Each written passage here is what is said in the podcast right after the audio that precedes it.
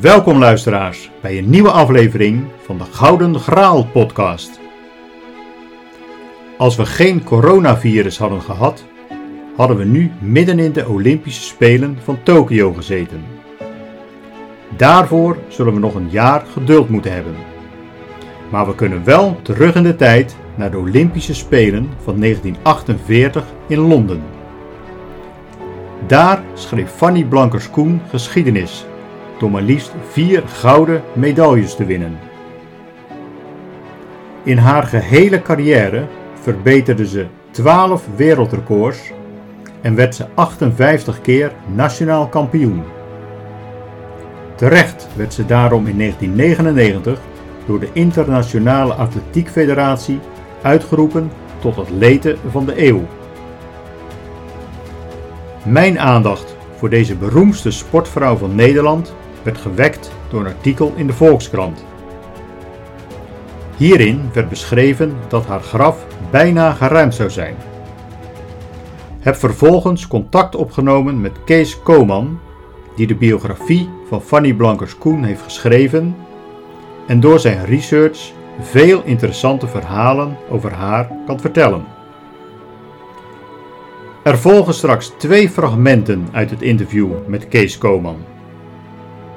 Over zijn reactie op het ruimen van het graf en het waar gebeurde verhaal over de regenjas die er bijna voor had gezorgd dat de vierde gouden medaille niet was gewonnen.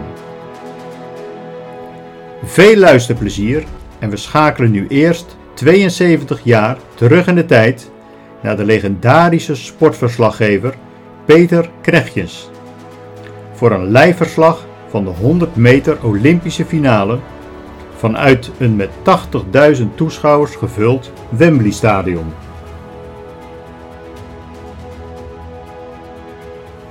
Hier Londen, Wembley Stadion. En luisteraars, we staan op het ogenblik voor de finale 100 meter, waarin onze landgenote Fanny Blankerskoen in de finale gekomen is. Zo even is de loting van de banen bekendgegeven en in de binnenbaan start mevrouw Meijers Canada. Op de tweede baan van binnen uitgedacht Thompson Jamaica. Op de derde baan Fanny Blankers-Koen Holland. Op de vierde baan Strickland Australië. En op de vijfde baan Jones Canada. En op de zesde baan aan deze kant de grote Engelse favoriete Manley Groot-Brittannië. Toen de dames zijn in beweging, er wordt een beetje gedribbeld en getrabbeld. Er worden hier spreekkoren gegeven, want ieder heeft natuurlijk zijn eigen favoriete. Fanny Blankers-Koen zit niet ongezellig aan die kant, want er zit daar een klein legioentje Nederlanders die straks tezamen Fanny hebben geschreven. En ik hoop dat dat eh, haar de goede prikkel zal geven en dat het haar mag lukken Holland de eerste plak te bezorgen. Luisteraars, en op het ogenblik gaan de dames in de start zijn gebukt. Fanny verplaatst nog even haar handen op de streep. Ze kijkt nog even naar beneden. Ze kijkt nog even naar boven. En ze zijn prachtig gelijk weg op het ogenblik. En Blanke ligt onherroepelijk op het ogenblik op de eerste plaats. Manley ligt twee, heeft een meter achterstand, anderhalve meter achterstand. Fanny Blanke ligt nog steeds één. Royale luisteraars en met twee meter voorsprong is door de finish heen. En Nederland heeft zijn eerste Olympische kampioenen. Zijn eerste Olympische kampioenen, zijn eerste gouden plak hier in Londen veroverd. Een hoop publiek komt er naartoe. Ze wordt uh, jubelt luisteraars. Het is niet te vertellen het enthousiasme wat hier wat van de massa. Er wordt hier nog even een tijd doorgegeven, luisteraars, van 11 en 18 seconden. En ik vraag me erg af, wat zal er in de omgaan in deze vrouw die haar volledige inzet heeft gegeven voor deze zaak. Om voor het Nederlandse volk hier deze manifestatie van het kleine landje. Waar we ook al zoveel problemen hebben, maar ze is hier dan geweest vanmiddag. En ze heeft eerst haar serie gewonnen, eerst haar demifinale. En nu vanmiddag met een overweldigend gemak haar finale gewonnen. En, en luisteraars, ik heb hier een buitengewoon prettig bericht. Het is eigenlijk moeilijk om het onder woorden te brengen. Niemand minder dan Fanny Blankes-Koen. Erg nat. Fanny was bij ontzettend nat. In de eerste plaats van harte gefeliciteerd met dit ongelofelijke succes. En ik zou zeggen, vertel het zelf maar. Je weet veel meer te vertellen dan ik heb toch. Nou, ik was natuurlijk weer ontzettend nerveus. Maar ja, de tijd in de demifinale was goed en die van die Engelsen niet. Dus ik denk het moet of ik kan het niet. Dus, uh, en ik heb gelukkig gewonnen. Ik ben reuze blij. Vanneke en Jantje krijgen een kus van me en vader dansen om de tafel. Nou, papa en die kleine kindertjes, heb je het goed gehoord wat mama gezegd heeft? Dus dat is oké.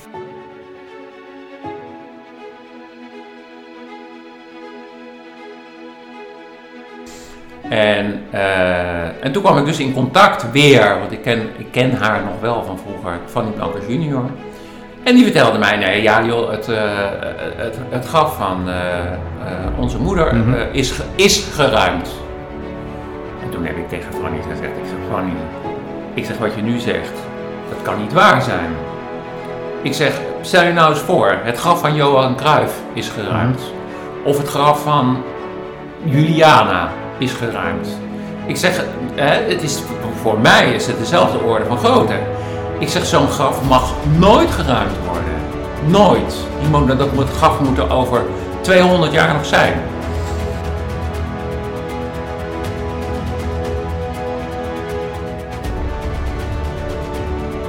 Want het was oorlogstijd. Nou ja, de oorlog was net over. En er was nog heel veel op de bon. Dus zij kregen dan van de organisatie kregen zij een bon om een regenjas, om een jas, om een jas te kunnen kopen. Kregen alle, kregen alle deelnemsters en deelnemers, denk ik eigenlijk ook, maar dat weet ik niet zeker. En uh, nou ja, zij gaat op die, op die slotdag, dat, uh, dus de, was op de laatste dag van de atletiektoernooi, gaat zij op de gemakkie, gaat ze, gaat ze die jas kopen. Nou, wat gebeurt er in het verkeer? ze, ze raken verlaat. En, en, Fanny moet echt het, het stuk van de, van de metro, de ondergrondse, die was er al, moest zij echt uh, uh, hardlopen om op tijd in het stadion te zijn. En de andere atletes, die waren, achteraf waren ze eigenlijk hartstikke kwaad. He, want uh, wie gaat er nou voor een Olympische finale, gaat op, op de gemakkie boodschapjes, ja. Ja, boodschapjes ja. doen. I feel like a lion. I'm so strong. Bring me the legacy. I'm so fun. I feel like an energy is going inside my mind. Goedemorgen, we zijn vanochtend in Buitenpost, een klein dorp tussen uh, Leeuwarden en Groningen, op bezoek bij uh, Kees Kooiman. De Kooman. Kooman. Ja, zonder i. Zonder de i inderdaad. Ja, Kooiman. Ik denk ja. nog aan toen was geluk heel gewoon. Dat was Kooiman. Dat zou zo makkelijk ja, ja, maar dit is zonder i. Ja. Helemaal goed. Je bent uh, de biograaf van uh, Fanny Blankers-Koen. Je bent onderzoeksjournalist en auteur van boeken over de landbouw, de financiële sector en de topsport. Dus Klopt. wat dat betreft een heel breed spectrum. Ja. Uh, de laatste is de reden dat ik nu uh, letterlijk en figuurlijk bij je aan de, aan de keukentafel zit. Ja, aan de, aan inderdaad. de koffie. Dus bedankt. Gebruikelijk het, bij de boeren, hè? Dat weet je. Bij de boeren. Ja, die zitten ook allemaal aan de keukentafel. Aan de keukentafelen. En ja. daar gebeuren vaak de mooiste gesprekken. Dus uh, daar gaan Absoluut. we hier ook vanuit. Ja. Ik heb 240 kilometer gereden om hier te komen. En het was eigenlijk een, een fantastische rit om hier naartoe te komen. Want ik heb alle landschappen van, van Nederland heb ik weer, weer gezien. En toen ik uiteindelijk uh, het bordje buitenpost zag, toen kreeg ik nog meer het vakantiegevoel. Heb jij dat ook nog als je hier binnen rijdt? Uh, nou ja, ik moet eerlijk zijn. Ik, ik heb met mijn laatste boeken, mijn laatste drie boeken gaan over de agrarische sector. Mm -hmm. En ja, ik kijk intussen heel anders naar het land. Oké, okay, andere blik. ja, ik kijk intussen heel anders naar het land. En dan zie ik dingen die, die uh, ja, zo ontzettend jammer zijn. En, uh, maar ik moet wel zeggen dat, uh, dat het noorden, qua, ook qua rust en qua uitgestrektheid en qua mensen, mm -hmm. moet ik ook zeggen. Hè, want ik kom oorspronkelijk uit het westen dat ik me hier wel heel erg thuis voel. Maar het uh, vak ja, vakantiegevoel, ja. Ik, ik, ik, ik, ik, nou ja, misschien mag ik wel zeggen, want ik, ik hoef bijvoorbeeld helemaal niet meer op vakantie. Dus ik ben, uh, ik, ik, ik voel me, we hebben, dan moet ik wel ook wel weer zeggen, we hebben naast deze prachtige, dit prachtige appartement hier in Buitenpost, hebben we ook nog een uh, recreatiewoning in Lauwersoog. Dat is net op de, over de grens van Friesland en Groningen. Ja, en die combinatie is, is, is fantastisch. Hè? Die is fantastisch om, om te kunnen schrijven, wat ik graag doe. En mijn vrouw, Connie Vermazen, een voormalige atlete onder andere, die schildert. Dus wij, eh, ja, wij, hebben, wij, wij voelen ons hier enorm thuis. Ik zou niet meer bewonen vanaf 2002 in het noorden. En eh, we zouden niet meer terug willen. Dus toch een beetje het vakantiegevoel kunnen we Nou toch ja, concluderen. Oké, hè? dus zo ziet ja. Dan ja. kunnen we dat wel zeggen. Maar goed, dan nu waarom dat we hier nu eh, eigenlijk eh, vandaag eh, zitten. Dat was een, een artikel, ik heb hem hier nog bij me, in, de, in de Volkskrant van de maand april is het alweer. De laatste rustplaats van Fanny Blankers-Koen. En daarin word je ook nog geciteerd door, door de journalist. Eh, heel in het kort kwam het erop neer eigenlijk dat eh, het graf waarin zij samen met haar, eh, haar ouders ligt, dat dat eh, geruimd zou, eh, zou worden. Klopt. Eh, gelukkig is het op het laatste moment nog eh, voorkomen. Maar wat vond jij daarvan toen jij dat hoorde? Ja, kijk, door mij eigenlijk staat dit verhaal, want ik, ik ken John Volkers, de schrijver van dat, eh, van dat verhaal, die, ken ik, eh, die ken ik goed. En eh, ja, toen ik dit hoorde, ik kwam er bij toeval kwam ik erachter. Ik kwam er bij toeval achter dat eh, eh, er was een, een, iemand die wilde iets doen met de gouden medailles. Ik kan het niet heel precies op ingaan verder, omdat het niet, uiteindelijk is het niet doorgegaan. Maar die persoon die wilde heel graag eh, de medailles, eh, de gouden medailles van, eh van die Blankers-Koen eh, kopen. Hij had er ook heel veel geld Mhm. voor over.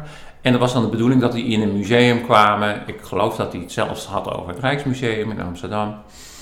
En, eh, en toen kwam ik dus in contact weer, want ik ken, ik ken haar nog wel van vroeger, Fanny Blankers junior. En die vertelde mij, nee, ja joh, het, eh, het, het graf van eh, onze moeder Mhm. is, is geruimd. En toen heb ik tegen Fanny gezegd, ik zeg Fanny, ik zeg wat je nu zegt, dat kan niet waar zijn. Ik zeg, stel je nou eens voor, het graf van Johan Cruijff is geruimd. Of het graf van Juliana is geruimd. Ik zeg, hè, het is, voor mij is het dezelfde orde van grootte. Ik zeg, zo'n graf mag nooit geruimd worden. Nooit. Die moet, dat moet, graf moet er over 200 jaar nog zijn. Nou ja, en, eh, nou ja, en zo kwam ik dus te weten eh, wat er aan de hand was en zo. En ik heb dan... eh, eh, John Volkers die belde mij in die periode toevallig. Nou, toen heb ik, eh, heb ik het er met hem over gehad. Nou, en toen, heeft, toen is hij op onderzoek uitgegaan en toen kwam hij met, eh, kwam hij, uit- kwam hij met dit verhaal. Maar ja, ik vind het eigenlijk ook zo typerend voor de Nederlandse sportcultuur dat, eh, dat zo iemand, ja, die hoort, die, die moet eigenlijk een praalgraf hebben. Weet je, er moet een paalgraf, er moet eigenlijk een plek zijn waar mensen, ook over gaan. 50 jaar en over 100 jaar, nog eens naartoe kunnen. Van, oh ja, dat was van die Blankers Koen uit 1948. Ja. Hè, die heel veel heeft betekend voor allerlei vlak natuurlijk. Ja. Voor, de, voor de emancipatie en zo. Dus ik vond het een, ja, ik vond het echt waar. Ik ben, ik ben nou, ik- zou niet zeggen dat ik er van slag, maar ik, ik, ik, ik vond het echt verschrikkelijk om te horen. En, eh, eh, nou ja, gelukkig blijkt nu dus dat het, eh, dat het, eh, eh, eh, dat Dat het niet- er steeds Maar ja, het is, een graf ja. van niks hoor. Mhm. Het is Nee, een dat graf er staat inderdaad een foto bij Ja. inderdaad. eh, dus ik denk Het dat er zo gedachteloos lang in- zou lopen. hè? Ja, het is in de, in, de, in de, eh, de, de, de vliegtuigen, de grote Boeings, Mhm. die komen daar, die vliegen daar, die scheren daarover. Hè? Het Ja. is in, de- in, de, in de, hoe noemen ze dat? De aanvliegroute, aan- aanvliegroute van de, van de Kaag, Kaagbaan volgens Mhm. mij. Maar hè, dat is, als je daar staat, Mhm. bij, op, op, op, op een begraafplaats, vind ik, daar moet stilte van, eh, ja, dat vind ik tenminste, moet stilte, moet... En het is, het is een vreselijke plek, sowieso. Mhm. Maar goed, ik heb, ik heb, eh, dat is nog wel interessant om te horen, denk ik. Ik heb toen wel, ben ik meteen in actie gekomen, ben ik, eh, heb ik aangeklopt bij NOC-NSF. Want zij is dan een van de mensen, er zijn prijzen, prijzen naar haar vernoemd, NOC, Mhm. belangrijke NOC-prijzen. En eh, heb ik, eh, maar daar heb ik tot op de dag van vandaag, dus we praten nu april, we zitten nu in juli, heb ik nooit iets op gehoord. Dus, eh, Ook wel heel bijzonder eigenlijk. dat, is nou, dat, vind ik nog, dat vind ik nog Ja. onbegrijpelijker. Mhm. Want dan zou ik zeggen, ik zou als NOC, NSF, zou ik, ik moet me niet druk maken. NOC, NSF zou zich, Mhm. Ja. zou zich Ja. ja, kapot moeten schamen. En in ieder geval reageren en er Sowieso. actie op ondernemen. Sowieso. Mhm. sowieso. Ja. Dus, dus ja, ik, ik eh, vond het, eh, ja, ik vond het echt een, een, een eh, afschuwelijke afschuwelijk bericht. Nou ja, gelukkig is het... Nou ja, het graf is er nog. Is er, het graf is er nog. Ja, maar ja, het stelt echt bij. Het, Het stelt nog weinig voor, maar gelukkig is het dan nog niet geruimd. Nou, het heeft bij mij wel het zaadje geplant om er wat dieper in te gaan verdiepen. Want ja, net zoals wellicht iedere Nederlander kennen we de naam Fanny Blankers-Koen eh, wel. We weten dat ze eh, wel. veel eh, gouden medailles heeft, eh, heeft gewonnen. precies, er zijn vier in, in 1948 bij de Olympische Spelen in, in Londen. Dus ik ben toen het, het boekje gaan, of boekje, noem het maar gerust een, een boek, gaan, gaan kopen. Wat je geschreven hebt, een, een koningin met, met mannenbenen. Mhm. Een hele pakkende titel ook. Eh, en ik wil je eigenlijk vragen om daar als intro ook een, eh, een stukje van uit, eh, uit voor te lezen. We slaan hem eventjes Dat doe ik graag. Ik heb er kruisjes bij gezet tussen, deze, tussen de lijntjes. Als je die wil voorlezen, Ja, dan hebben ja, we gelijk ja, een goed beeld. Snap het. Ja. God heeft haar benen geboetseerd op een dag waarop hij zeldzaam goed gehumeurd was. Mannenbenen, zullen ooggetuigen uitleggen. Met bijpassende, jaloerswekkende motoriek die wel moest leiden tot verdachtmakingen bij de concurrentie. Fanny was zo sterk dat wij ons wel eens afvroegen, is dat wel een vrouw? zei de Engelse sprinster Sylvia Cheeseman.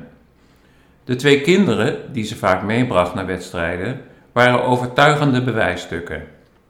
Met eenvoudige, treffende one-liners heeft Fanny Blankers-Koen later de kritiek gepareerd. Mijn doping bestond uit bruine bonen met spek, zei ze graag en vaak. Evenals, ik had longen als blaasbalgen. En, alles is uit mijn benen gekomen. Daar heb ik mijn succes aan te danken. Dankjewel. Nou, ik kan het iedereen aanraden om het te gaan eh, lezen. Het is echt een, eh, een fascinerend boek. Je hebt eh, niet gekozen voor de invalshoek van alleen maar heldenverering, Nee. maar ook eh, de wat mindere kanten heb je, Absoluut. heb je belicht, zodat je wel een, eh, een compleet beeld krijgt van, eh, van de sportvrouw, maar ook van de privépersoon eh, Fanny Blankers-Koen. Op, op welk moment, af en toe horen we de secondanten horen we Ja, zachtjes miauwen, maar ja, die, die, maar die mag erbij op schoten zitten, Dat is Pipo. mag de input leveren, dat is Pipo. op welk moment is de fascinatie voor Fanny Blankers-Koen bij jou ontstaan? Nou, kijk, die was, die was er eigenlijk al lang. Mijn vrouw was. Ik, ik ben eigenlijk ook in de atletiek. eh, ja, hoe moet ik dat zeggen? Opgegroeid als sportjournalist. Nou, ehm, waar moet ik beginnen? Eh, ik, ik was als jongetje. Was ik altijd gefascineerd door sport. Ik was zelf eigenlijk helemaal niet talentvol. Eh, ik, heb, ge- ik heb op behoorlijk hoog niveau getafeltennist. En ik ben op mijn achttiende ongeveer ben ik, eh, aan atletiek begonnen. En eh, daar leerde ik, op een zeker moment leerde ik Connie, Connie Vermazen. Dat is een latere Nederlands kampioen verspringen en Olympische selectie. 400, eh, v- eh, 400 meter. En, nou ja, en eh, dus ik, ik, ik was wel, ik zat op een zeker moment zat ik wel heel erg in die top, eh, in, die, in die topsport. Hè, zat er letterlijk middenin. We trainden heel veel samen. Ik was eh, met name, vooral was ik haar haas voor de 400 meter lange loopjes en zo van 1000 meter en alles. Dat kon ik, dat kon ik allemaal wel goed.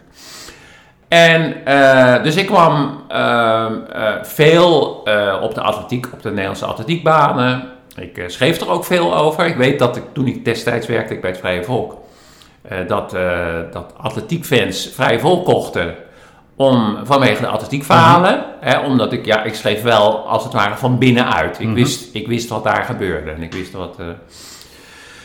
en ja, van die blanke schoen kwam ik daar natuurlijk ook tegen. En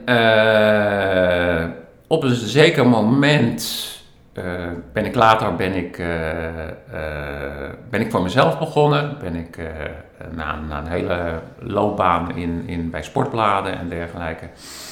En toen wilde ik een boek schrijven. Ik wilde, ik, ik, ik wilde in ieder geval kijken of ik een boek kon schrijven. Want dat weet je, dat weet je eigenlijk helemaal niet. Als, eh, al schrijf je goed als journalist, heb je wel een naam opgebouwd. Dat betekent nog niet automatisch dat je ook boeken kunt schrijven.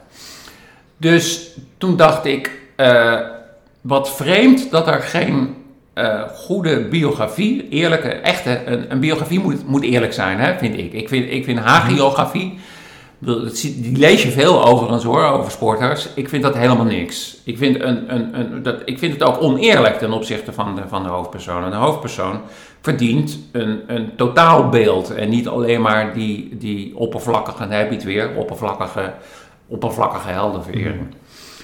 Dus ja, to- toen bleek er dus geen biografie te zijn van Fanny. Tot mijn verbazing eigenlijk ook. Ik denk van, en dat was een boekje, dat was geschreven door haar man. En dat was heel, nou dat, dat was nou echt een hagiografie, een heldenverering.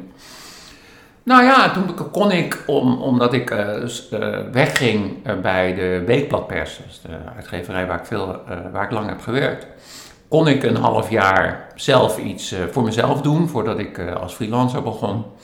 En in die periode, ik was net verhuisd naar, naar Friesland, naar het plaatsje E, eh, ben ik eh, onderzoek gaan doen eh, naar, naar Fanny Blankers-Koen. En nou ja, zo, zo, zo is het gekomen, zal Ja. ik maar zeggen. 2002 praten we over. 2002, 2000, het boek is uitgekomen in 2003. Ja, en in 2004 is eh Fanny Blankers-Schoen eh, overleden. Ja. Je hebt zeg maar niet meer in die laatste fase van haar leven nog, nog met haar kunnen spreken. Dus je hebt het, het boek Wel eerder. Ik, heb, ik had wel al eerder, Ja, maar niet ja. meer in de laatste Nee, fase nee, inderdaad. Nee, hè? nee, nee, nee. Eh, dus je hebt eigenlijk het, het, het beeld compleet moeten maken door de mensen uit haar naaste omgeving en die haar... Ja, ja, ik heb ontzettend veel mensen mhm, gesproken. mhm, hè. ik, ik schat eh 50, 60 tal, die er nu allemaal niet meer zijn, trouwens. Hè, want het was wel eigenlijk net op tijd. Ja, Ik heb het boek eigenlijk net op tijd geschreven. Ik v- vraag me ook af of het nou zo goed was geweest als ik wel met haar had gesproken. Want m, ja, eh, eh, eigenlijk eh, die interviews die met haar, die over haar bestonden, die waren, nou, heb ik het woord alweer, waren behoorlijk oppervlakkig. Dus het was, eh, ze, ze was ook tamelijk neurotisch. Dat blijkt ook wel uit, het, eh, dat blijkt ook wel uit de biografie. En ik, eh, ik denk dat dit eigenlijk toch het beste. Ik, ik vind ook dat je biografieën, hoe dan ook, biografieën, of het nou gaat over kunstenaars, over, over schrijvers, die moet je schrijven aan het, of die moeten verschijnen aan het eind van hun leven.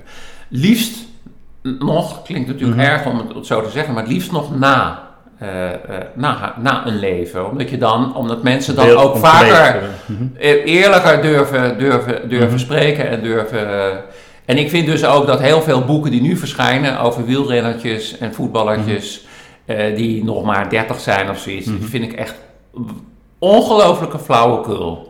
Want ik vind, eh, die boeken, dat, dat, is- dat, is, dat is nooit een eerlijk boek, geeft nooit een eerlijk beeld. Nooit. Trouwens, wat heb je op je dertigste meegemaakt?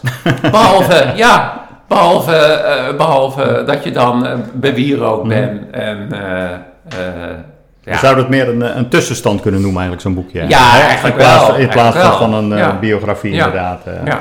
Oké. We gaan even terug naar haar, eh, haar jeugd, zeg maar. Ze is geboren op eh, 26 april 1918.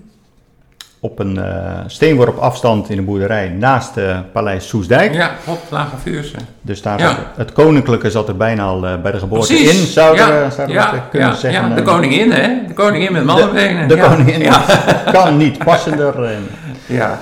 Ehm, ze komt wel uit een sportieve familie. Ook haar ouders waren wel sportief en ook de rest van, de, van het Ja. gezin. Zou je kunnen zeggen dat eh, haar ouders wel eh, mee hebben eh, geholpen om de eerste kiemen van haar latere successen te planten? Zeker weten. Mhm. Ja, zeker weten. En het feit dat natuurlijk in die tijd dat je nog heel veel fysiek moest doen. Hè? Mhm. Je moest, hè, mensen gingen sowieso op, op de fiets overal naartoe. En mensen, dat deed zij trouwens ook Mhm. altijd. En eh, haar vader werkte ook heel hard. Haar vader was, een, eh, was, een, was goed met kogelstoten onder andere. Dat komt trouwens, dat weten veel mensen niet. Maar dat komt van die, is ook eh, meerdere keren Nederlands kampioen Ja, geweest. Mhm. En ja, en je krijgt sowieso krijg je het fysieke mee in de wieg. Mhm. Dat, dat, daar, daar begint het. Dus je je be- begint bij. En de men, het mentale, want mentaal was ze eigenlijk helemaal niet zo goed. Mhm. Mentaal, dat heeft ze vooral, denk ik, is dat eh, geslepen, als ik het zo mag zeggen, door haar man. Haar man eh, was eh, Jan Blankers. Ja, daar komen En Jan Blankers komen we straks nog op en haar, de- en haar trainer. En die, die heeft er ook voor gezorgd. maar daar krijgen we het denk ik ook nog Ja, over. daar komen we ook op. Dat we, ja. Ja. Dat- Ja, nou, want Kijk, we vergeten nu wel eens, ik bedoel, het is nu bijna gelijkwaardig, eh, het mannen- en eh, vrouwen eh, sporten. Qua- ja, maar in de tijdgeest voor de, de Tweede Wereldoorlog was daar natuurlijk nog absoluut geen sprake van. Vrouwen we, we, we- ze deden geen sport. Mhm. Ja, vrouwen, sommige, de, lu- de, de, de elite, die Mhm. deed aan tennis. En, en, maar de, het, het volk, tussen Mhm. aanhalingstekens, was bezig met overleven.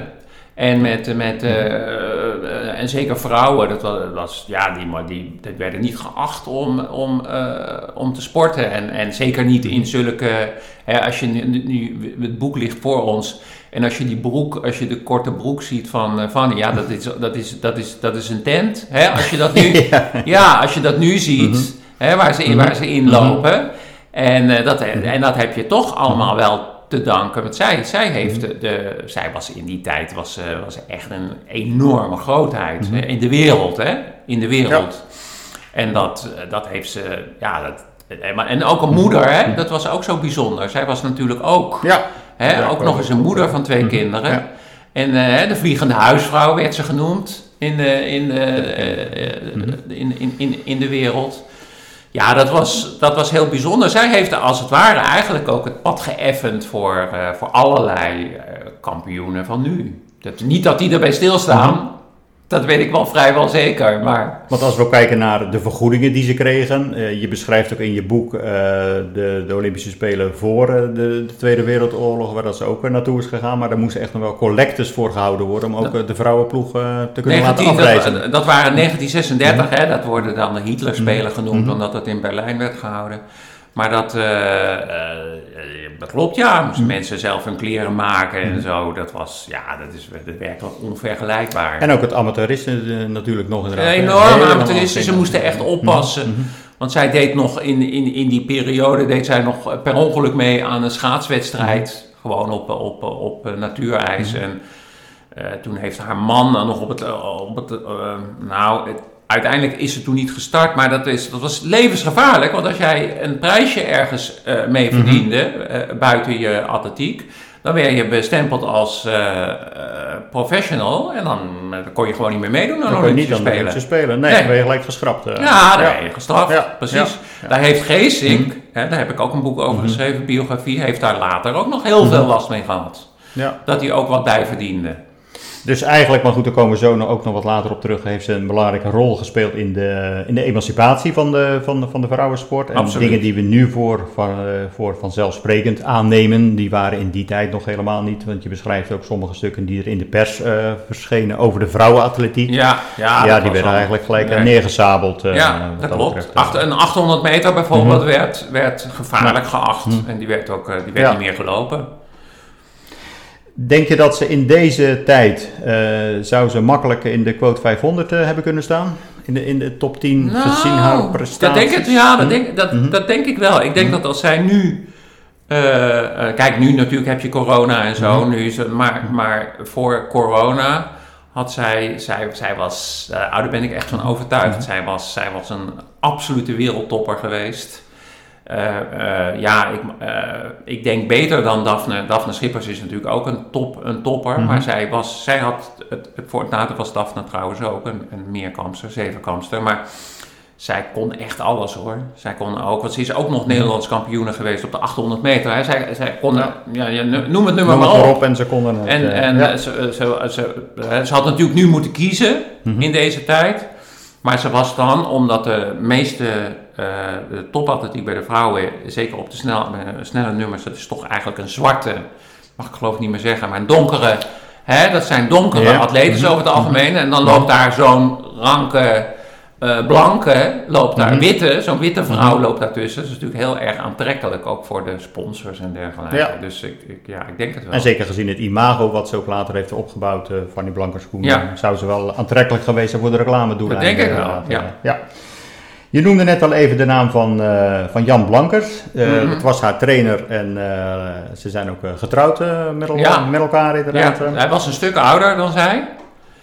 En eh, nou, ze leerden, hij was, hij was trainer van de mannen met name. En, eh, maar hij, was, en hij had eigenlijk helemaal niks met vrouwensport. Ook, maar dat dat gold eigenlijk voor iedereen hoor. Dat hing er echt een beetje bij. Maar toen zag hij haar enorme talent. En eh, nou ja, ze, zijn, ze hebben elkaar leren kennen en zijn verliefd geworden. En eh, ja, een betere, een betere trainer kon ze, niet, kon ze zich niet wensen. Oké, want als je het boek leest, dan, dan komen er ook wat andere geluiden naar voren die zeggen van ja, iedere trainer had eh, met Fanny Blankerschoen deze successen kunnen Nee, behalen. daar geloof ik niks van. Nee, daar geloof ik niks van. Nee, want zij, hij kon echt ook de, de juiste snaar raken. Een mooi voorbeeld is eh, op de Olympische Spelen van eh, 1948 is dat ze, eh, want het was echt een neuroot hè, ook. Het, eh, En misschien, kijk, zenuwen enzovoort horen erbij, maar zij was wel extreem nerveus voor wedstrijden. Hè, kotsen en dergelijke. Is trouwens ook wel vrij gebruikelijk hoor. Maar zij wilde eigenlijk nadat ze de 80, eh, nadat ze de eh 100 meter en, de, eh, eh, en dan de 80 meter, was vroeger 80 meter hoorden, dus tegenwoordig 100 meter hoorden. Eh wilden ze naar huis, wilden ze naar de, ki- naar de kindjes, hè, die zaten in Hoofddorp, daar woonde, daar woonde de familie Blankers. En toen kon, moest Jan, dus de man, moest praten als brugman. Dat was de bondscoach ook, hè? Bondscoach van, de, van, de, van, de vrouwen, van de vrouwenploeg intussen. En die moest echt praten en die moest allerlei trucs uithalen. Joh, we gaan vanavond wel eten. En als je dit niet doet, dan, krijg je, dan heb je, zul je er levenslang spijt van houden. En nou, mooi gepraat. Nou, enorme huilbuien. En eh, heeft ze toch, eh, heeft ze toch uit, uit, uiteindelijk heeft ze besloten om die 200 meter. Nou, als er, als er één eh, teken van machtsvertoon is geweest, dan is het die 200 meter. Die heb ik teruggezien. Ik weet niet of je ook nog iets Ik heb teruggezien teruggekeken. Ja, ja. Maar als je dan ziet met wat voor Ja. Mhm. machtsvertoon zij in de stromende regen die 200 Ja. meter Mhm. wint. Ja, dat was, dat was echt eh, fenomenaal. En, dat, eh, en haar man, natuurlijk, zij deed het. En, en zij had een lichaam, en dat heb ik net ook Mhm. eh, beschreven, van die benen met name. Want eigenlijk, dat is misschien ook nog grappig om te Mhm. me- melden. Ik had, nou het was mijn eerste boek dan. En ik, ik eh, wist nog niet zo heel veel van titels en zo. Alhoewel, ik weet nog precies waar ik deze titel heb verzonnen. Dat weet ik nog precies. Ik was ergens in de sauna in, in, eh, in eh, Groningen was het. En dat ik eh, dacht opeens, koningin met mannenbenen. Dat moet, nee, en toen had ik, eerst had ik, omdat ik paardenbenen, die vind ik ook zo mooi. Dat hele gespier, dat je dan bij paarden ziet, ja. weet je wel. Maar ja, en toen zei mijn uitgever, toen zei mijn Het uitgever, klinkt niet die zo zei, mooi, ja, nee, dat moet je niet doen, joh. Dit is eh, paardenbenen. En mannen, en, en nou ja, en toen kwam ik met dat, eh, met dat, eh, met dat mannenbenen. Maar goed, haar lichaam, natuurlijk, haar fysiek, dat staat voorop. Maar en, en mentaal moet ze natuurlijk iets onoverwinnelijks hebben gehad, hè, ook. Van ik moet, hè, ik moet winnen, ik moet winnen. Maar de man heeft dat wel gepolijst. Zonder haar man weet ik het niet. Of ze ook, zo, als ze ook echt zo goed was geworden. Nou, misschien een ander goed voorbeeld is wat we nu heel normaal vinden, is eh, de trainingskampen. En dat doen we dan nu, eh, wordt dat vaak in, eh, in wat warmere landen wordt dat, Klopt. gedaan. Eh, in die tijd, voor de Spelen van 1948, eh, hebben ze zich teruggetrokken eh, in, de, in de bossen op de, op de Veluwe. De, Ja. de blokhut, Ja. zoals het genoemd werd inderdaad. Om daar aparte trainingssessies te doen. En dat was eigenlijk nog heel bijzonder, omdat eigenlijk in de winter lagen de trainingen nagenoeg stil. Ja. Dus ja, zou je kunnen zeggen dat daar in die blokhut met die Oh, trainingssessies... Oh, dat weet ik wel zeker. Dat was ook de, de, de, hetgene wat de buitenlandse eh, eh, atleten, hè, die hebben toch heel vaak andere, met andere klimaten te maken. Dus die, eh, die, ja, die kennen dat probleem ook niet zo. Hè, die hebben niet wat wij hebben, hè, van een echt, echt hele koude winters kunnen wij hebben hier in Nederland. En, ehm, maar dat was echt, dat was volkomen nieuw. De om, en, dat was, en dat was Jan Blankers. Jan Blankers had dat. Jan Blankers die was Zweeds gaan studeren om, eh, om eh, de, de, de, beste trainingstechnieken kwamen in die periode uit Scandinavië. En hij wilde, hij wilde en dan kan je het vertalingen enzovoort, dat vertrouwde hij niet. Hij wilde zelf de oorspronkelijke Zweedse, eh, Zweedse verhalen lezen van, het, van, van, de, van de Zweedse technieken. Fartlek Ja, is bijvoorbeeld iets wat, wat, uit die, wat, uit, wat daar vandaan komt. En eh, nou ja, dat typeert het eh, perfectionisme van, van eh, Jan Blankers. Ja, En dat hij daar op zo'n fonds... Kijk, het klinkt nu allemaal heel eenvoudig Mhm. en helemaal vanzelfsprekend. Maar het was toen was het, was het echt uniek. ja. En even voor de duidelijkheid, hij deed dat ook wel met de hele eh, vrouwenatletiek. Ja, ja. En- zeker, en niet zeker. alleen met, eh, met, met, met nee, Fanny. met. Fanny, nee, nee. Hij was, hij Mhm. was, de, hij was de bondscoach, hè? Hij was de bondscoach. Ja. Eh, nou ja, de oorlog kwam er natuurlijk eh, tussendoor. Dat hebben we net al eventjes eh, genoemd. Ze zijn eigenlijk, die oorlog zijn ze vrij goed doorgekomen. Zonder noemenswaardige dingen. Ook nog wel ja, redelijk qua eten, dat soort voorzieningen, zeg maar.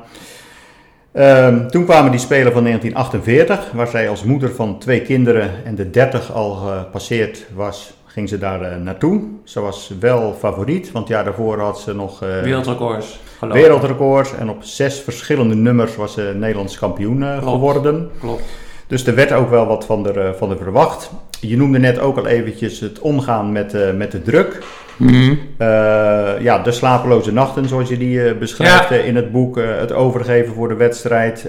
Uiteindelijk is het er wel gelukt omdat... Dat hij- ja, mag, mag ik even tussendoor? Hij, hij ziet iets heel vreemds. En dat is, hij ziet, nou ja, hij, even voor de luisteraars. De poes die zit nu met zijn pootje te proberen om, om, eh, de nou KitKat toch te in? pakken en de, en de snoertjes. eh, ja, maar goed, zit het Ja. geeft nog geen geruis, dus Nee, die laten nee, we even nee, spelen met, eh, met de KitKat. Nou, weet je wat misschien toch wel heel aardig is om te benoemen? Is, en dat wordt eigenlijk, is eigenlijk wel vergeten. Kijk, zij was eigenlijk 1936 was, waren haar eerste spelen. Nou, toen was ze nog heel, eh, was ze nog piepjong. Heeft ze alleen de eerste wetten gelopen, hoog, hoog gesprongen, ja.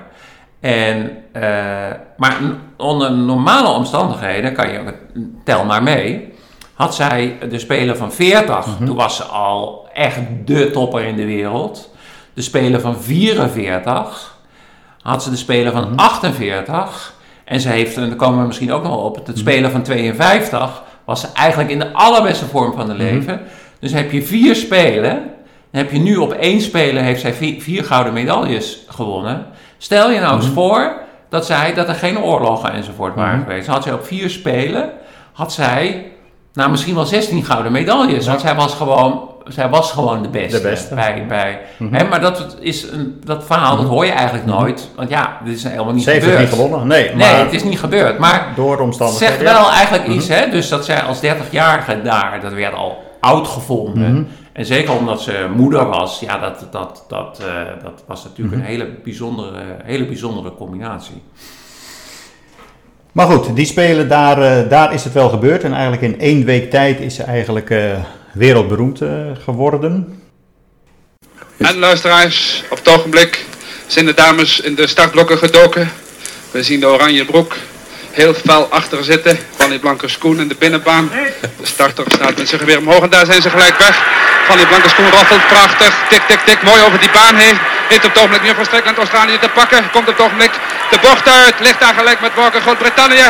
Ze liggen prachtig één gelijk en één stuk. Op het ogenblik is ze de leiding.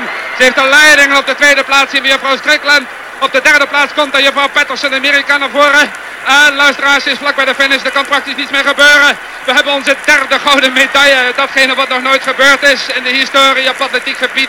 We hebben een vrouw die de derde plaats veroverd heeft. En daar komt een hele kleine jongen.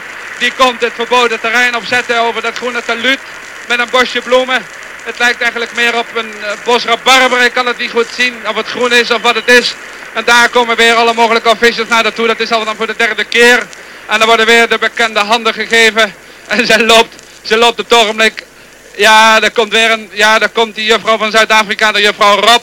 Die komt daar naar naartoe, die feliciteert haar. Luisteraars realiseerde zichzelf dat goed. Fanny Blankers-Koen, haar derde titel. Nadat zij de 100 meter gewonnen had, de 80 meter horde, heeft ze nu de derde zegepraal veroverd. Voor de derde maal de 200 meter. Een nummer wat wij nog nooit op de Spelen gezien hebben. Maar wat er nu voor het eerst op de Spelen is geweest voor dames. En haar derde titel heeft zij veiliggesteld.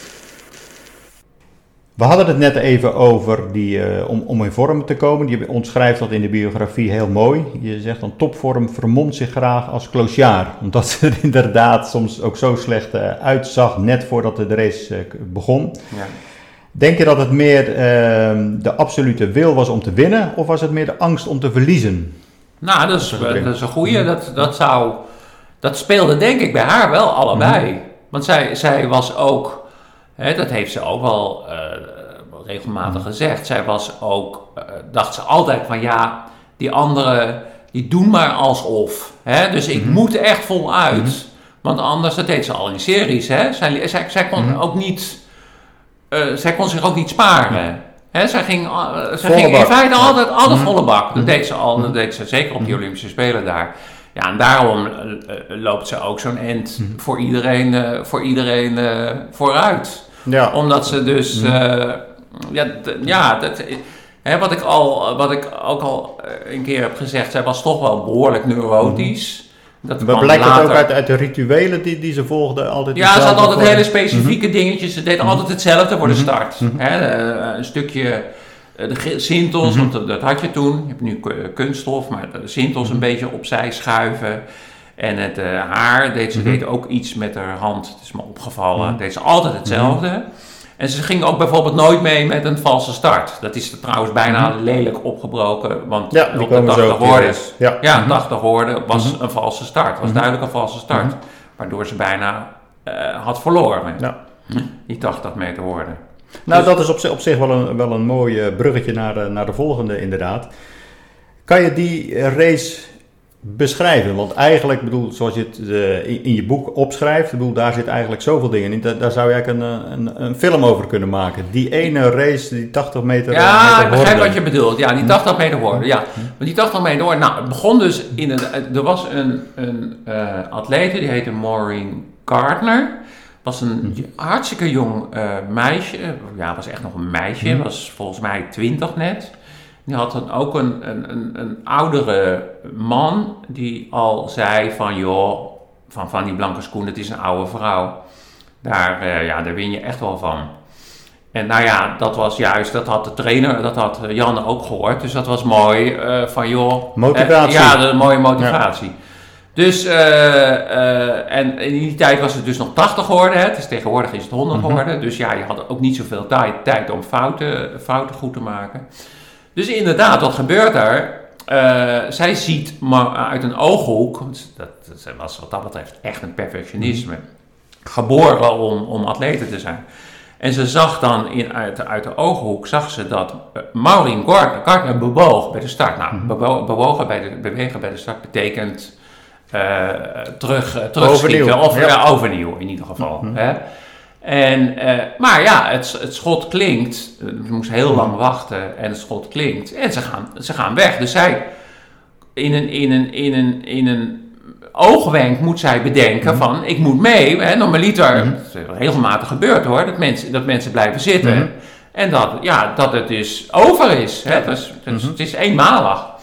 Zij gaat mee, ze komt op, eh, op eh, nou, ongeveer halverwege, komt zij naast, eh, naast Gardner, die, die leidde. Mhm.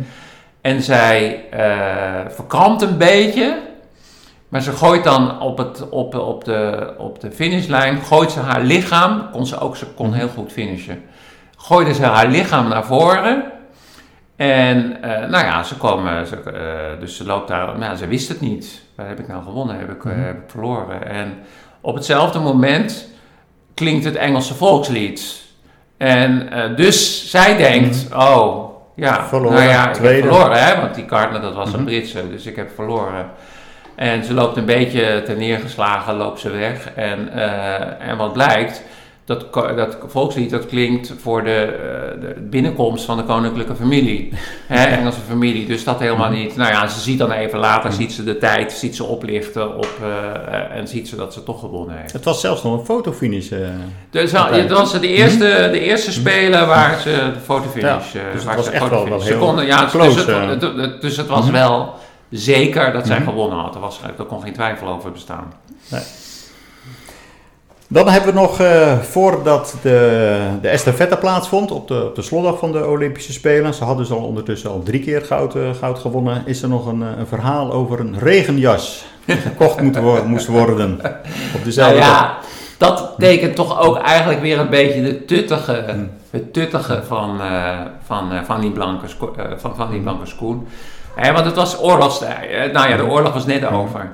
En er was nog heel veel op de bon. Dus zij kregen dan van de organisatie kregen zij een bon om een regenjas, eh, om een jas, om een jas te kunnen kopen. Kregen alle, kregen alle deelnemsters en deelnemers, denk ik Mhm. eigenlijk ook, maar dat weet ik niet zeker.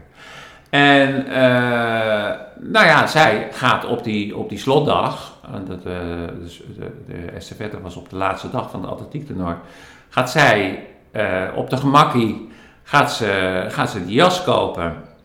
Nou, eh, wat gebeurt er in het verkeer? Eh, ze, ze, ze raken eh, verlaat en, en Fanny moet echt het, het stuk van de, van de metro, de ondergrondse, die was er al, moest zij echt hardlopen om op tijd het, in het stadion te zijn. En de andere atletes, die waren, achteraf waren ze eigenlijk hartstikke kwaad. Want eh, wie gaat er nou voor een Olympische finale, gaat eh, op, op de gemakkie lopen boodschapjes, ja. boodschapjes Ja, ja. doen.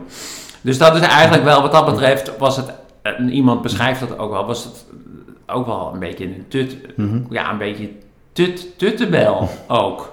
En, en dat klinkt natuurlijk, en dat mag je dan eigenlijk niet zeggen over zo iemand die, nou ja, met door, hoe zeg ik het ook alweer, God, God geboetseerde been.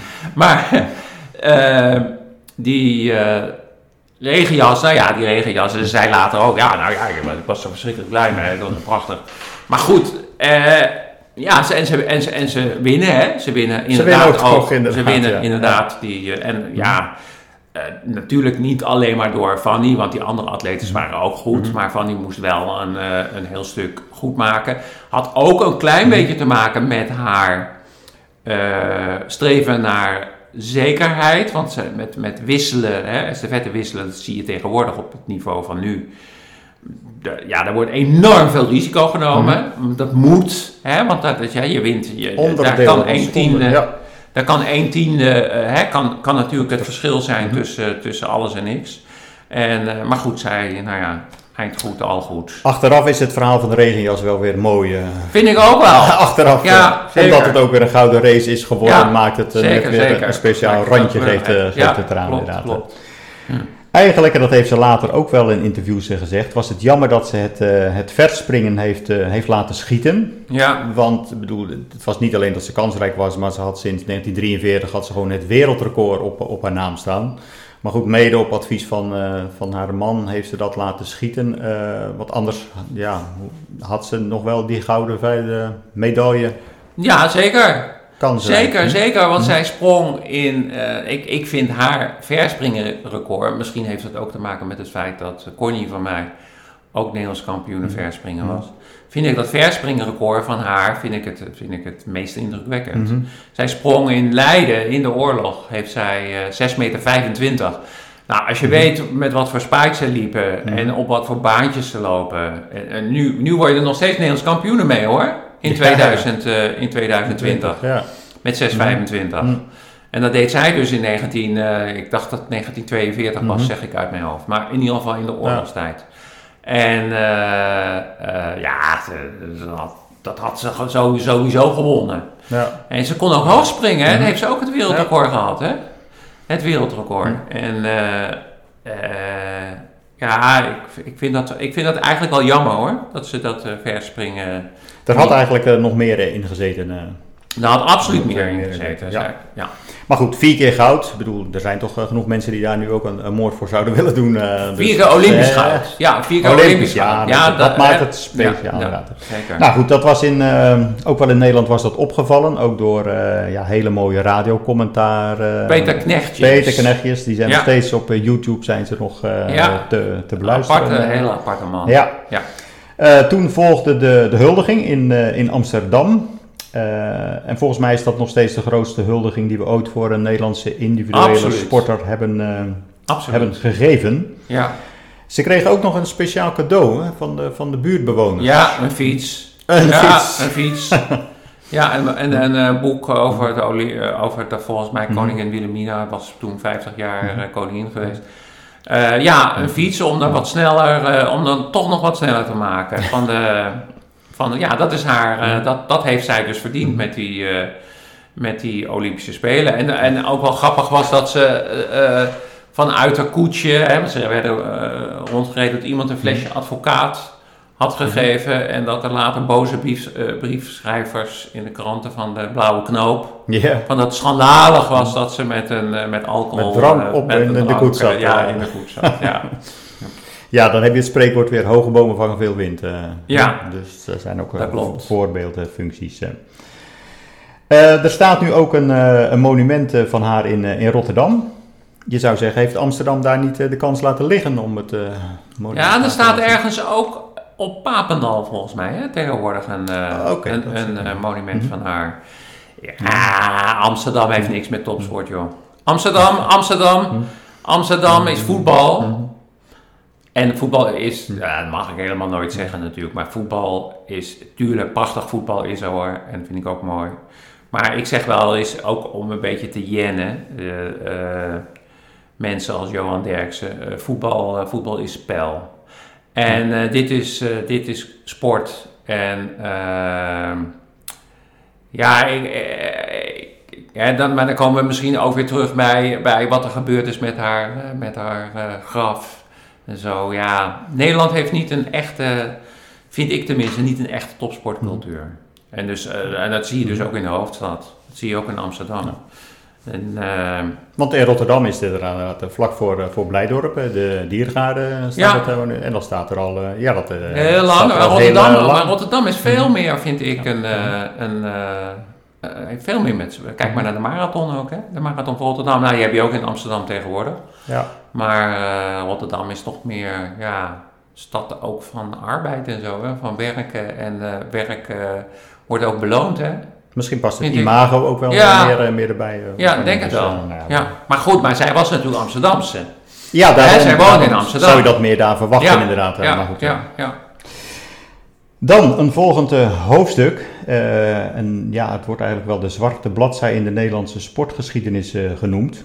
Over eh Foekje Dillema. Ja, Vanuit Friesin. Een, eh, een Friesin, een klein Ja. dorpje eigenlijk hier eh, niet ver bij vandaan. Hier vlakbij. Buren. Ja. Die maakte een, een spectaculaire entree in de, in de atletiek. Eh, eigenlijk eh, 1949. Binnen, binnen twee jaar was ze eigenlijk al Ja. nou ja, aan de top, zeg maar. Ja. Zelfs zo erg dat ze wel, ja, Fanny naar de, naar de kroon begon. Op de, op dus, de eh, 200 meter, denk ik Mhm. zeker. Ja. Ja. Was Fanny eh, bang om tegen dat eh, aanstormende talentvoekje te lopen? Nou, dat denk ik wel. Mhm. Ik denk wel dat zij, je noemt, zei het al net, de angst om te verliezen, dat zat er ook wel een beetje Mhm. in. Dat zat er wel in. En ze waren toen, hè, je moet je ook wel, je moet wel weten dat er ook in de oorlog, dat er voorbeelden waren van atletes die achteraf een man bleken te zijn. Mhm. Dat, dat, dat is echt gebeurd. Mhm. Echt, echt mannen, hè? Dus met alles erop en eraan, zal ik maar zeggen. Mhm. En dat was maar, dat was bij Foekje was dat niet zo. Foekje had ook eh, eh, gewoon grote borsten, Mhm. bijvoorbeeld. Groter waarschijnlijk dan die van Fanny. Mhm. Maar eh, ja, zij had een, ja, ze was wel heel jongensachtig. Maar ik weet niet of het is opgevallen, maar er staat een foto ook in van Fanny en Foekje samen. Ja. Nou, dan lijken het allebei wel jongetjes. Dus wat Fanny had eigenlijk ook wel, kon, kon, Fanny kan ook heel vrouwelijk zijn en mooi. Maar Fanny had ook wel iets jongensachtigs. Kon ze hebben. En, en, en, en, en dat is, ik, ik, ik ben ervan overtuigd dat de uitblinksters in de, in de sport, en dat geldt zeker voor atletiek, maar ik denk ook voor andere sporten, dat eh, bij vrouwen, trouwens bij mannen ook, dat zijn degenen met het meeste mannelijk testosteron. Hè, dus, dus, dus dan, en, maar aan sommigen zie je dat helemaal niet, sommige vrouwen. Dan, dan, eh, eh, maar de, de, de, de, de, de beste vrouwen, en dat gold- zeker voor Fanny. Fanny had ook, denk ik, relatief, dat is natuurlijk nooit onderzocht, maar die had relatief ook veel mannelijk testosteron. eh, een mannelijk testosteron. En daarom had ze die spiervorming ook. Had ze die benen. Ja. Kijk naar die benen van haar. Uiteindelijk is, eh, is Foekje, nou, noem het maar, uitgeschakeld. Op, op een Ja, eh, uitgerangeerd, Niet, niet ja. zo fraaie, fraaie Nee, manier. nee, nee, eh. Kun je vertellen hoe dat, dat eh, gebeurd is? Ja, dat was, dat, dat, er is een keuring geweest. En, en eh, of, of eh Foekje daar nou wel of niet bij is geweest, dat is eigenlijk een mysterie gebleven. Maar eh, eh, ja, ze is eigenlijk, eigenlijk gewoon gedisqualificeerd. Hè. Eigenlijk, eigenlijk is, vind ik, is ze gedisqualificeerd als mens. En daar heeft ze vreselijk onder geleden. Ze woonde hier vlakbij. Ik Mhm. kende haar familie. Dat was puur toeval, want dat dorpje E, waar ik dan dat boek schreef en, en column, dat was echt op 9 kilometer afstand. Dat Mhm. wist ik uiteraard, dat wist ik niet van tevoren. En eh, ja, ik heb, dat, ik heb eh, haar leven, want eh, het, het, het, leven van Foekje, hè, daar op het platteland, kan je je ook voorstellen, dat stond... Ik, ik heb het boek gezien van de Olympische Spelen van 1948 van een familie. En dat had zij dan gekregen, Foekje. En er stond dan ook heel trots, stond haar naam in en zo, met de handtekening van, van, van Foekje zelf. Dat ze zo trots was op Fanny. Hè, ze was vreselijk trots op Fanny. En dan, op, en dan wilde zij, eh, ze wilde eigenlijk bij haar zijn. Hè? En dan word je op deze manier, word je, word je, word je eigenlijk uit het, uit het leven uit het leven gezet. Ja. Want het was voor haar was, het was haar leven, sport. Ja, daar heb ik, heb ik, eh, heb ik vreselijk. Heb ik, later is er nog een boekje gekomen over haar ook. Maar dat, eh, ja, dat eh, heb, ik, heb ik verschrikkelijk gevonden. Dat, Want je, want je ziet wel dat, er nu eigenlijk meer een beetje ook de laatste tijd. Toevallig zag ik van de week nog een, eh, een artikeltje langskomen dat ze hebben het plan om in Column een, een, een soort muurschildering ook te maken. Als een soort eerbetoon ook nog aan, aan het Foekje. Eh, de Atletiek Unie die heeft toch ook eh, uiteindelijk gezegd van ja, we zaten fout hier- hierin. Want er Klopt. is zelfs nog DNA die heeft zich verontschuldigd. Ja, die heeft zich verontschuldigd. Want er is Ja. ook een, een mooie eh, reportage van Andere Tijden Sport. Ja, en die hebben zelfs met DNA-materiaal Klopt, klopt, klopt, klopt. Nog, nog uitgezocht. En dan bleek eigenlijk dat ja, de, het, het was wel wat verstoord, zeg maar, het, de Ja, het was vrouwelijke- afwijkend. Het Mhm. was afwijkend. Het is wel een klein beetje te vergelijken met Simenaya nu, op dit moment, die Mhm. Zuid-Afrikaanse. Ja. eh, Mhm. Maar ja, Mhm. ja. Ja, ik begrijp wel. Kijk, ik heb, ik heb ook eh, eh, in, in, op Olympische Spelen, verschillende Olympische Spelen die ik, die ik, waar ik ben geweest, heb ik ook wel ja, vrouwen aan de start gezien waarvan je dan ook denkt van. Hè, is, dat wel, is dat wel een vrouw? Maar ja, dan kom, kijk, kom je dus inderdaad op het verhaal van het mannelijk testosteron. En ja, bij de een zie je dat meer dan bij de ander. En eh, ja, ik heb het een. eh, ik, het, en, en bovendien, het was helemaal niet nodig, want Fanny was veelzijdig, was veelzijdiger Mhm. dan Foekje Dillema. Misschien had ze een keer verloren van Foekje op de 200 Mhm. meter en wie weet op de 100 een keertje. Maar Fanny kon horden en Fanny kon hoog springen en Fanny kon ver springen. Dat kon eh, Foekje echt niet hoor. En ze had al vier keer eh, goud. had Nou ja, het dat zak. ook. Dus, Ja, dus- dat ook. Ja, En ze hadden natuurlijk een fantastische estafette gehad. Mhm. Met Foekje erbij. ja. Hè, dat was dan voor de Spelen van 52. Was dat goud geweest. Want denk je dat Fanny en Jan Blankers hier een, een rol in hebben gespeeld? Ja, dat blijft, dat blijft gissen. Eh, met de, me- de mensen met wie ik heb gesproken, die er dus niet meer, nu niet meer zijn, die zeggen van wel. Mhm. Die zeggen van, eh Fanny was heel erg op, eh, ja, mannen mogen er niet eh, zijn, want er was ook nog een andere atleet eh, waar twijfels over bestonden in Nederland. En ja, ze waren daar heel, heel, heel keen op. En het is eigenlijk wel aannemelijk dat zij daar, want ze hadden heel veel macht intussen. Macht, ja. hè? Jan, Mhm. Jan Blankers eh, had heel veel te vertellen. Dus ik denk, ik, ik vermoed van wel. Maar ja, dat kon ik Bewijzen. niet. Nee, dat kan ik niet bewijzen. niet, eh, nee. Mm. Zou ze ook bewust voor het imago van de nuchtere vliegende huisvrouw hebben gekozen? Of was dat meer iets omdat ze... Als Dat werd gemaakt. Gemaakt. Dat Ja. was gemaakt, Mhm. dat was niet, Mhm. dat, was- dat, dat was helemaal niet. Mhm. Ze was niet, eh, niet heel erg nuchter en, en, en eh, integendeel, want dat blijkt ook wel uit de rest van haar leven. Ze was, nou, het was, het was ook niet de, de leukste, uiteindelijk bleek het ook niet de leukste, leukste Mhm. persoon te zijn om mee, eh, mee om te gaan. En dat heeft dan wel Mhm. weer te maken met, met de roem, want zij zegt zelf wel eens van ja, en anderen zeggen dat trouwens ook, van ik ben, eh, ja, ik ben ook zo gemaakt. Als jij altijd, kijk nou naar Cruijff en dergelijke, zulke soort grootheden, als altijd wordt gezegd, hè, oh ben je goed en je bent zo, dan, dan ga je dat toch ook zelf, eh, dat is bij Anton Geesing trouwens ook gebeurd. Hè, dan ga je dat zelf ook geloven.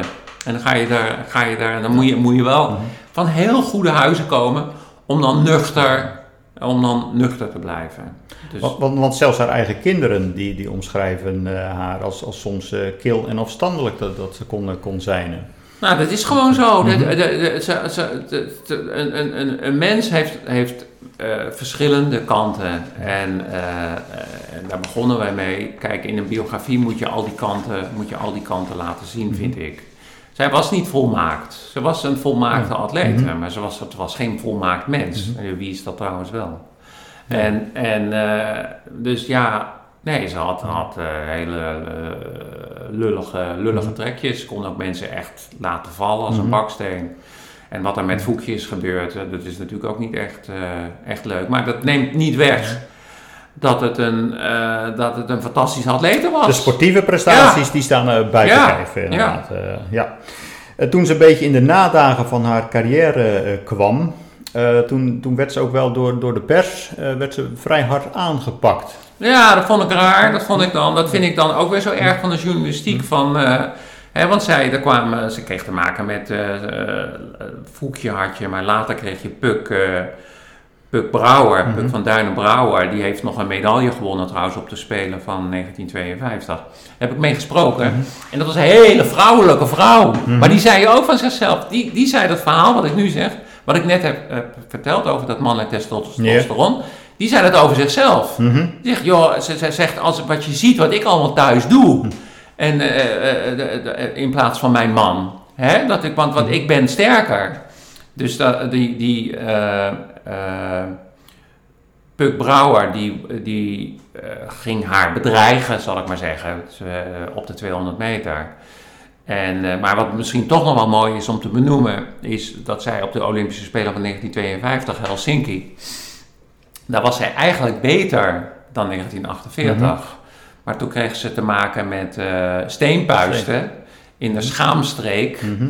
En eh, nou ja, je kan je voorstellen hoe dat is. Ze heeft dus daar, ze heeft, ze heeft zelf gezegd, ik heb daar op zuivere penicilline gelopen. En ze- uiteindelijk is ze gewoon uitgevallen, zowel op de 100 meter zat ze nog als nummer 2 was ze overgegaan naar de finale, nummer 2 of 3. Dat was nog eigenlijk maar haar, eh, ik weet niet precies wie dat tegen mij heeft gezegd. Ik- Ja, de, de, de zoon. Die zei van, eh, ze was, in 1952 was ze eigenlijk, toen was ze dus 34, was ze eigenlijk op haar best. Mhm. Maar dat is dus, dat, dat is ook om zeep geholpen door pure pech. Ja. En dan later Mhm. dan de journalistiek, ja, dat vind ik eigenlijk een beetje min. Van eh, eh, je durft niet meer of zoiets, weet je wat te zeggen. Want dat had waarschijnlijk te maken met dat Voekje verhaal. Want hij is er toch ook wel Mhm. voor, eh, flink voor aangepakt. En misschien wel terecht. Maar dat was later was dat niet terecht, vond ik. Maar het blijkt dan toch ook wel weer dat, dat er weinig krediet was. niks, helemaal dat niks. betreft, terwijl ze toch zo'n staat van dienst Ja, dat is, dat is, dat is Nederlands hoor. Dat is Nederlands. Dat bedoelde ik nou als ik zeg met Nederland heeft geen topsportcultuur. Nederland heeft geen echte topsportcultuur. Deze mensen zouden, als zij Britse was geweest, zelfs Belgische, dan was hij veel meer geëerd. Heeft dat misschien ook te maken met onze wat nuchtere volksaard en dat we mensen beoordelen op je laatste prestatie in plaats van wat je daarvoor hebt Zou gedaan? zomaar kunnen. Zou zomaar kunnen, ja. Ik heb dat altijd raar gevonden. Ik heb altijd, ik heb altijd eh, eh, gevonden dat eh echte, dit soort prestaties, dat dat veel lijkt op kunst. Hè, omdat je met kunst ook, wat zijn nou de echte, echte kunst... eh, eh, eh, daar moet alles samenvallen. Hè? Je, je, je, je, je, moet het, eh, als eerste moet je natuurlijk het, eh, heel goed in staat zijn om iets te kunnen. Zegt het dan, kunst. En, eh, maar dan valt alles, komt dan samen op een dag. En dat, eh, eh, ja, dat wordt, vind ik, in Nederland, eh, zeker bij individuele sporten. Kijk, we hebben dan, we hebben eigenlijk in Nederland maar drie sporten die, echt, die er echt toe doen. Dat is voetbal, wielrennen, schaatsen. En, dat, en daar is de journalistiek debet aan hoor. Je zegt het net, de journalistiek met, hè, dat ze zo werd aangepakt. Ik vind dat de journalistiek er debet aan is dat, ja, dat andere sporten eigenlijk buiten de boot. eh, terwijl, terwijl atletiek, atletiek is niet voor niets de moeder der sporten. Mhm. Heb ik altijd, ook altijd gevonden. Ik vind atletiek het mooiste om te zien op eh, Olympische Spelen. Logisch, met mijn achtergrond. Ja. Maar logisch met mijn er achtergrond. Maar eh, individuele sporten, ook zwemmen, roeien, Mhm. nou, noem ze maar op, turnen. Nederland, ja. Nou ja, dan heb je weer zo'n hoogvlieger nu als eh Epke Zonderland. Ja, Met, eh, met, eh, met letterlijk turnen. en figuurlijk Maar- een hoofdvlieger. eh, Ja, ja, ja, ja, ja. ja, Maar goed, ze heeft het toch maar mooi, want eind eh, 1999 is in eh, Monte Carlo de verkiezing geweest voor de atleet eh, en de atleten van de, van de eeuw. Nou, dat is toch een titel die je niet, eh, niet zomaar krijgt. En daar is, eh, ja. daar is ze toch eh, Fanny Blankers-Koen als atlete van de eeuw eh, uitgekomen. Klopt. Terecht. Ja, ze was, eh, ze was ook heel erg ontroerd, want samen met Carl Lewis, hè, Mhm. ook niet eh, de, de, de man die natuurlijk veel jonger was, Mhm. Die was eh, de hoogtepunten waren eh, 1984, hè, dus 1948, 30, eh, 35 jaar later, zo ongeveer 48, 78, ja. Eh, ja, dat denk ik het wel. Ik denk juist omdat zij. zij we, we weten ook eigenlijk voor 100%, dat kan je nooit helemaal weten, maar je kunt eigenlijk wel voor 100% zeggen dat zij het ook puur op, op zelf heeft gedaan. Mhm. Hè? Dus geen eh, eh, medicijnen. Er zijn geen medicijnen aan de Bruine bonen met spek was het, hè? Met overantine. dat voilà, waren voilà. de doping. En, en ja. dat was Ja. bij Carl Lewis was dat nog maar Mhm. nog maar de vraag. Maar goed, dat weten we niet voor 100% zeker. Het was een fantastische atleet trouwens ook. Je hebt hem ook geïnterviewd, eh, vertelde Ik je, heb hem ook ge- geïnterviewd. Ja, zeker. Ik ben bij hem thuis geweest. Hey, even een zijsprongetje. Hoe, hoe was hij als, eh, als mens? Hoe kwam hij op jou over? Ja, een beetje, eh, ja, misschien wel een klein beetje zoals Fanny. Een beetje, eh, een beetje eh, een, een, een leffa. Nou, nee, nee, nee, nee, want hij was wel een show. Nee, het was een showbink. Nou, dat was Fanny, dat was Fanny, dat was Fanny absoluut niet. Het was een showbink. En, eh, maar wel, ja, wel heel, ik, ik denk wel dat als hij wist, als hij snapte dat er iemand tegenover hem zat die ook begreep wat hij daarvoor had- heeft moeten doen, dat hij dan wel ook de tijd daarvoor nam. Want hij heeft, hij heeft echt wel de tijd voor me genomen daar. Terwijl, eh, bedoel, een Amerikaan en dan in de jaren tachtig, eh, bedoel, dan is de sport op ja, een hele grote industrie geworden. Ja, klopt. Dus ja. hij zal ook heel veel interviews gegeven hebben. Ja, maar dan, dan, dan eh, snapte zij... de Sport International, ik werkte in die tijd voor Sport International... dat was wel een blad... Het was ook een, eh, echt een hartstikke goed blad. Dus het, het is, het is er niet meer, helaas. Maar eh, eh, ja, daar, daar kwam, je toch wel, kwam je toch wel binnen. Als, en, en wie weet dat dat eh, van die blanke schoenen... dat dat ook nog wel een zetje gaf hoor. Omdat dat een Nederlandse... Nederland- Ja. Want die werd wel in de, in de wereld... werd zij meer, werd zij meer op waarde geschat dan in Nederland. Nou, ze heeft toen toch ook na die Olympische Spelen is ze eigenlijk zeg maar, op wereldreis geweest om ook de vrouwenatletiek toch, toch te promoten. Dat klopt. Ook Zij naar ging- Amerika. Ja, dat was in die tijd natuurlijk heel bijzonder. Met eh, Mhm. naar Australië, daar deed je eh, 55 uur over.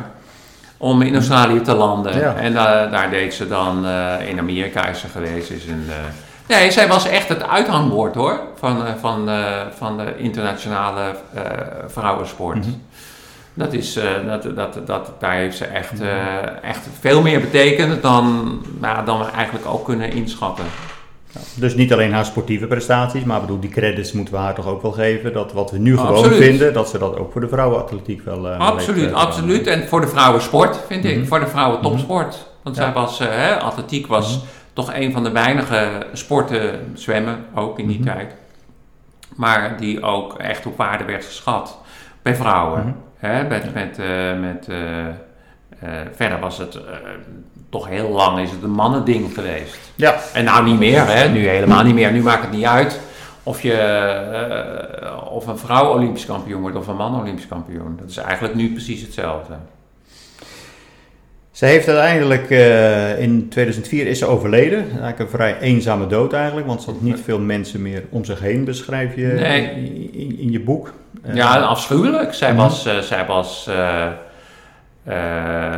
ja, zij, is- echt afschuwelijk geweest. Want zij moest met, omdat ze nog zo sterk was, hoe oud ze ook was, hè, dik in de tachtig, moest ze zo soms worden vastgebonden. Mhm. Want ze was niet, ze was niet te behandelen. Ze was ziekte van Al- Alzheimer Mhm. en ze, ze was een beetje, ja, een beetje gek geworden, zou je Ja. eigenlijk kunnen zeggen, Mhm. op het einde van haar leven.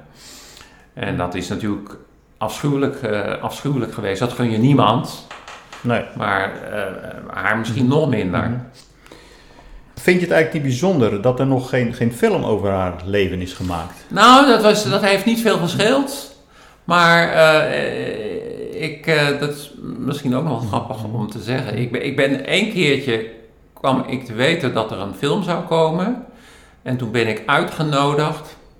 Maar ik weet niet meer precies waar het was. Maar eh, toen zat ik daar aan de tafel met allemaal, met allemaal mensen, met eh, de, de, de, mensen die die film zouden moeten gaan, eh, gaan maken. En die zaten allemaal met mijn boek. Allemaal met streepjes Mhm. eronder en zo. Mhm. En toen heb ik gezegd, ja, dat is wel mooi. En ik ben er ook heel erg voor dat er een boek, dat er een film komt. Maar hoe gaat dat dan met mijn werk dat ik, Mhm. dat ik heb, ge, dat ik heb verricht? Nou, dat was, eh, ja, ik zou wel worden genoemd en zo in Mhm. de, in de Aftiteling. en alles. Ja. Nou, maar dat, daar deed ik het Mhm. natuurlijk niet voor. Dus Kan toen zei, ik, eh, nee, toen zei ik ook van ja, maar daar moet wel iets anders eh, Mhm. tegenover staan. Het is heel normaal als jij, als, dat er als een, een schrijver een boek wordt verfilmd, dat een, een schrijver daarvoor een vergoeding. Ja. Al hadden ze tegen mij gezegd, je krijgt 1000 euro, dan had ik het goed gevonden. Maar ik, ik, ik, ik vond het totaal verkeerd dat ze net, net deden alsof het, niet, alsof, ik, alsof het niet bestond. Terwijl ik daar natuurlijk een, een, een, een jaar even eh, afgezien van al het werk, eh, van al mijn expertise die ik had. Hè, ik ben daar ruim een jaar mee bezig geweest. Dus, dat, dus die film, ik, ik denk dat die er sowieso was gekomen als ze echt hadden doorgezet. Ik weet dat eh, ehm, eh, een, een Australische eh, bekende actrice, die was gevraagd voor de hoofdrol. Nou, de naam is me even ontschoten, maar het is, het is natuurlijk geen Meryl Streep. Maar het is wel iemand van die orde van grootte. Dus het zou internationaal dan gelijk Ja, het zou een Niet- niet internationale voor film. Nederland. Ja, het zou een internationale film. Het zou dan ook. eh Ja. dit zit, zit natuurlijk een mooie film in. Er zit een hele, eh, je kan er zoveel verhalen kan eruit halen. Ja. Zeker met die titel van Atleten van de Eeuw, bedoel, Ja. dan heb je al een mooi affiche te pakken. Ja, ja, maar ja, dat is dan. In Nederland dan kom je weer bij topsportcultuur. Hè, bij het graf waarmee Mhm. we zijn begonnen. Ja. Hè? Ja, dat, wordt, dat, dat, is, dat, is, ja, dat is Nederland. Dat is, eh, dat is Nederland. Misschien dat het er toch nog ooit Wie weet. van komt. eh, Ja, wie weet, wie weet. ja. Ja. Ik heb nog één eh, slotvraag voor je. De naam is al eventjes gevallen.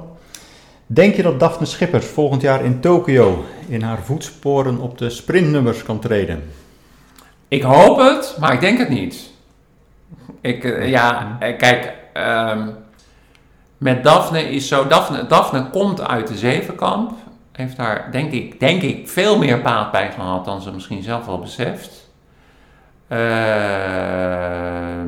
ik hoop het wel dat ze weer de, de ontspanning vindt. Ze, heeft, ze heeft bij een andere trainer, Amerikaanse trainer, Reiner, heeft ze getraind. Ik denk niet dat dat goed is geweest voor haar. Is dus ook eigenlijk eh, wel achteruit gegaan. En of ze nou. eh, eh, het zou, laat ik het maar zo zeggen, het zou in mijn, uit mijn oogpunt gezien een wonder zijn. Mhm. Een wonder dat ik wel, ik, ik, ik zou het fantastisch vinden. Ik zou het fantastisch vinden. Wij heb- allemaal, denk ik. ja, wij allemaal. Ik heb haar ook al ik heb haar ook geïnterviewd en zo. Eh, Ik heb een boek geschreven, Sprintkoninginnen. Die heb je Ja? Misschien nog wel gezien. Dat heb ik gezien op En dan, website, eh, ja. dan eh, heb ik voor dat, voor dat boek ben ik naar Amerika geweest. Mhm. Eh, heb ik haar bij indoor wereldkampioenschappen indoor heb ik haar een tijd gevolgd. Ja, ik hoop het van harte. Ik vind het een geweldig. Ik vind het een prachtig atleet hoor. Het is een prachtig prachtig uithangbord voor de atletiek Ja, en- voor Nederland. eh, atleet, ja. Ja, ja, ja, ja. Ik vind, het, ik vind het wel een beetje jammer. Ik vind het wel een beetje jammer dat ze niet op de zevenkamp. Ik, ik, ik weet dat het voor de meeste mensen, ik vind dat zo schitterend. Eh, zevenkamp is natuurlijk, dan ben je de alleskunner, hè? Dan ben je wel de Weet je, alles. dan ben je de alleskunner. Aan de andere kant noemen ze toch ook de 100 meter is toch wel het Voilà, koning en een nummer. Ja, dus, dat klopt, ja. dat klopt, dat klopt. Ja, ja, ja, Ah, ja, ja. We zullen helaas nog een jaartje moeten wachten voordat we weten of het, Ja, eh, of het gaat, gaat Precies, lukken. eh. juli, We volgend jaar, deze ja. periode, hè? Deze, eh, Ja. we hadden hem eigenlijk nu moeten hebben, Ja, maar het is een jaartje opgeschoven. Ik, eh, ik zie dat we al een, eh, een tijd eh, op de opnameapparatuur eh, hebben Ja, opgenomen. ik denk het wel. ja. Ik wil je hartelijk eh, bedanken voor eh, dat ik hier te gast bij je mocht zijn en eh, over het boek mocht, mocht praten. Heel graag gedaan. En nou, hopelijk hebben we zo weer een klein steentje bijgedragen om te zorgen dat Fanny Blankerschoen eh, niet verder in de vergetelheid terechtkomt, omdat ze het echt wel verdient, gezien haar prestaties die ze heeft verricht om toch eh, als een, eh, als een nou ja, heldin is dan een groot woord, maar in ieder geval... Ah, nee hoor, nee hoor, dat vind ik wel. Ik vind, ik vind wat dat betreft mag je wel zeggen als een, sport, als een sportheldin. Dat is ze. Dat is eh, Ja. zonder meer geweest. Ja. eh, En het, het is nog maar de vraag of we ooit zo ver komen op, eh, op de Olympische Spelen met zoveel gouden medailles. Dus Nee, deze- ik denk niet meer dat dat, ik denk dat het eenmalig is geweest. Dus, Ja, dus bedankt. graag gedaan. Dit was aflevering 9. En ik wil Kees Koman bedanken voor het interview en de achtergrondinformatie uit zijn boek Een koningin met mannenbenen. Verder kan ik mij alleen maar aansluiten bij de woorden van Kees dat de nagedachtenis en het graf van Fanny Blankers-Koen nooit mogen verdwijnen. Daarvoor waren niet alleen haar sportieve prestaties te groot, maar ook de rol die ze heeft gespeeld in de emancipatie van de vrouwensport en het teruggeven van het trotse Hollandgevoel na de moeilijke oorlogsjaren. We zijn deze uitzending begonnen met het commentaar van Peter Knechtjes en wil met hem ook eindigen. Voor de 75ste verjaardag van Fanny heeft hij de volgende brief geschreven, waarin hij schitterend verwoordt wat zij heeft betekend voor het naoorlogse Nederland. Knechtjes, inmiddels overleden, schrijft: Er lagen vijf bittere jaren achter ons. Jaren van vernedering, knechting en nog erger. Het wilde die eerste naoorlogse jaren maar niet lukken. Nederland miste iets. Dit geslagen volk zag, zonder het te weten wellicht, uit naar, ja, waarnaar? Naar een moment, naar een historische datum, naar een gouden bladzijde waarmee het naoorlogse vaderlandse geschiedenisboek kon worden geopend. Naar een momentum. Dat momentum, die verhoopte omslag in de ziel van de natie, werd belichaamd door Fanny Blankers-Koen. Londen, 1948. Viermaal goud. De Flying Dutch Housewife. Een damesfiets in de Haarlemmermeerstraat. Dat is het verhaal. Ik mocht het vertellen, live, aan de miljoenen Nederlanders die als het ware in hun radio woonden. Bij terugkeer bleek niet alleen ik veranderd, alle Nederlanders waren onherkenbaar. Het was alsof de bevrijding pas nu ten volle werd beleefd in de onverdeelde trots op wat één van ons voor het oog van de wereld had verricht. Fanny Blankers-Koen gaf een onteerde natie haar waardigheid terug.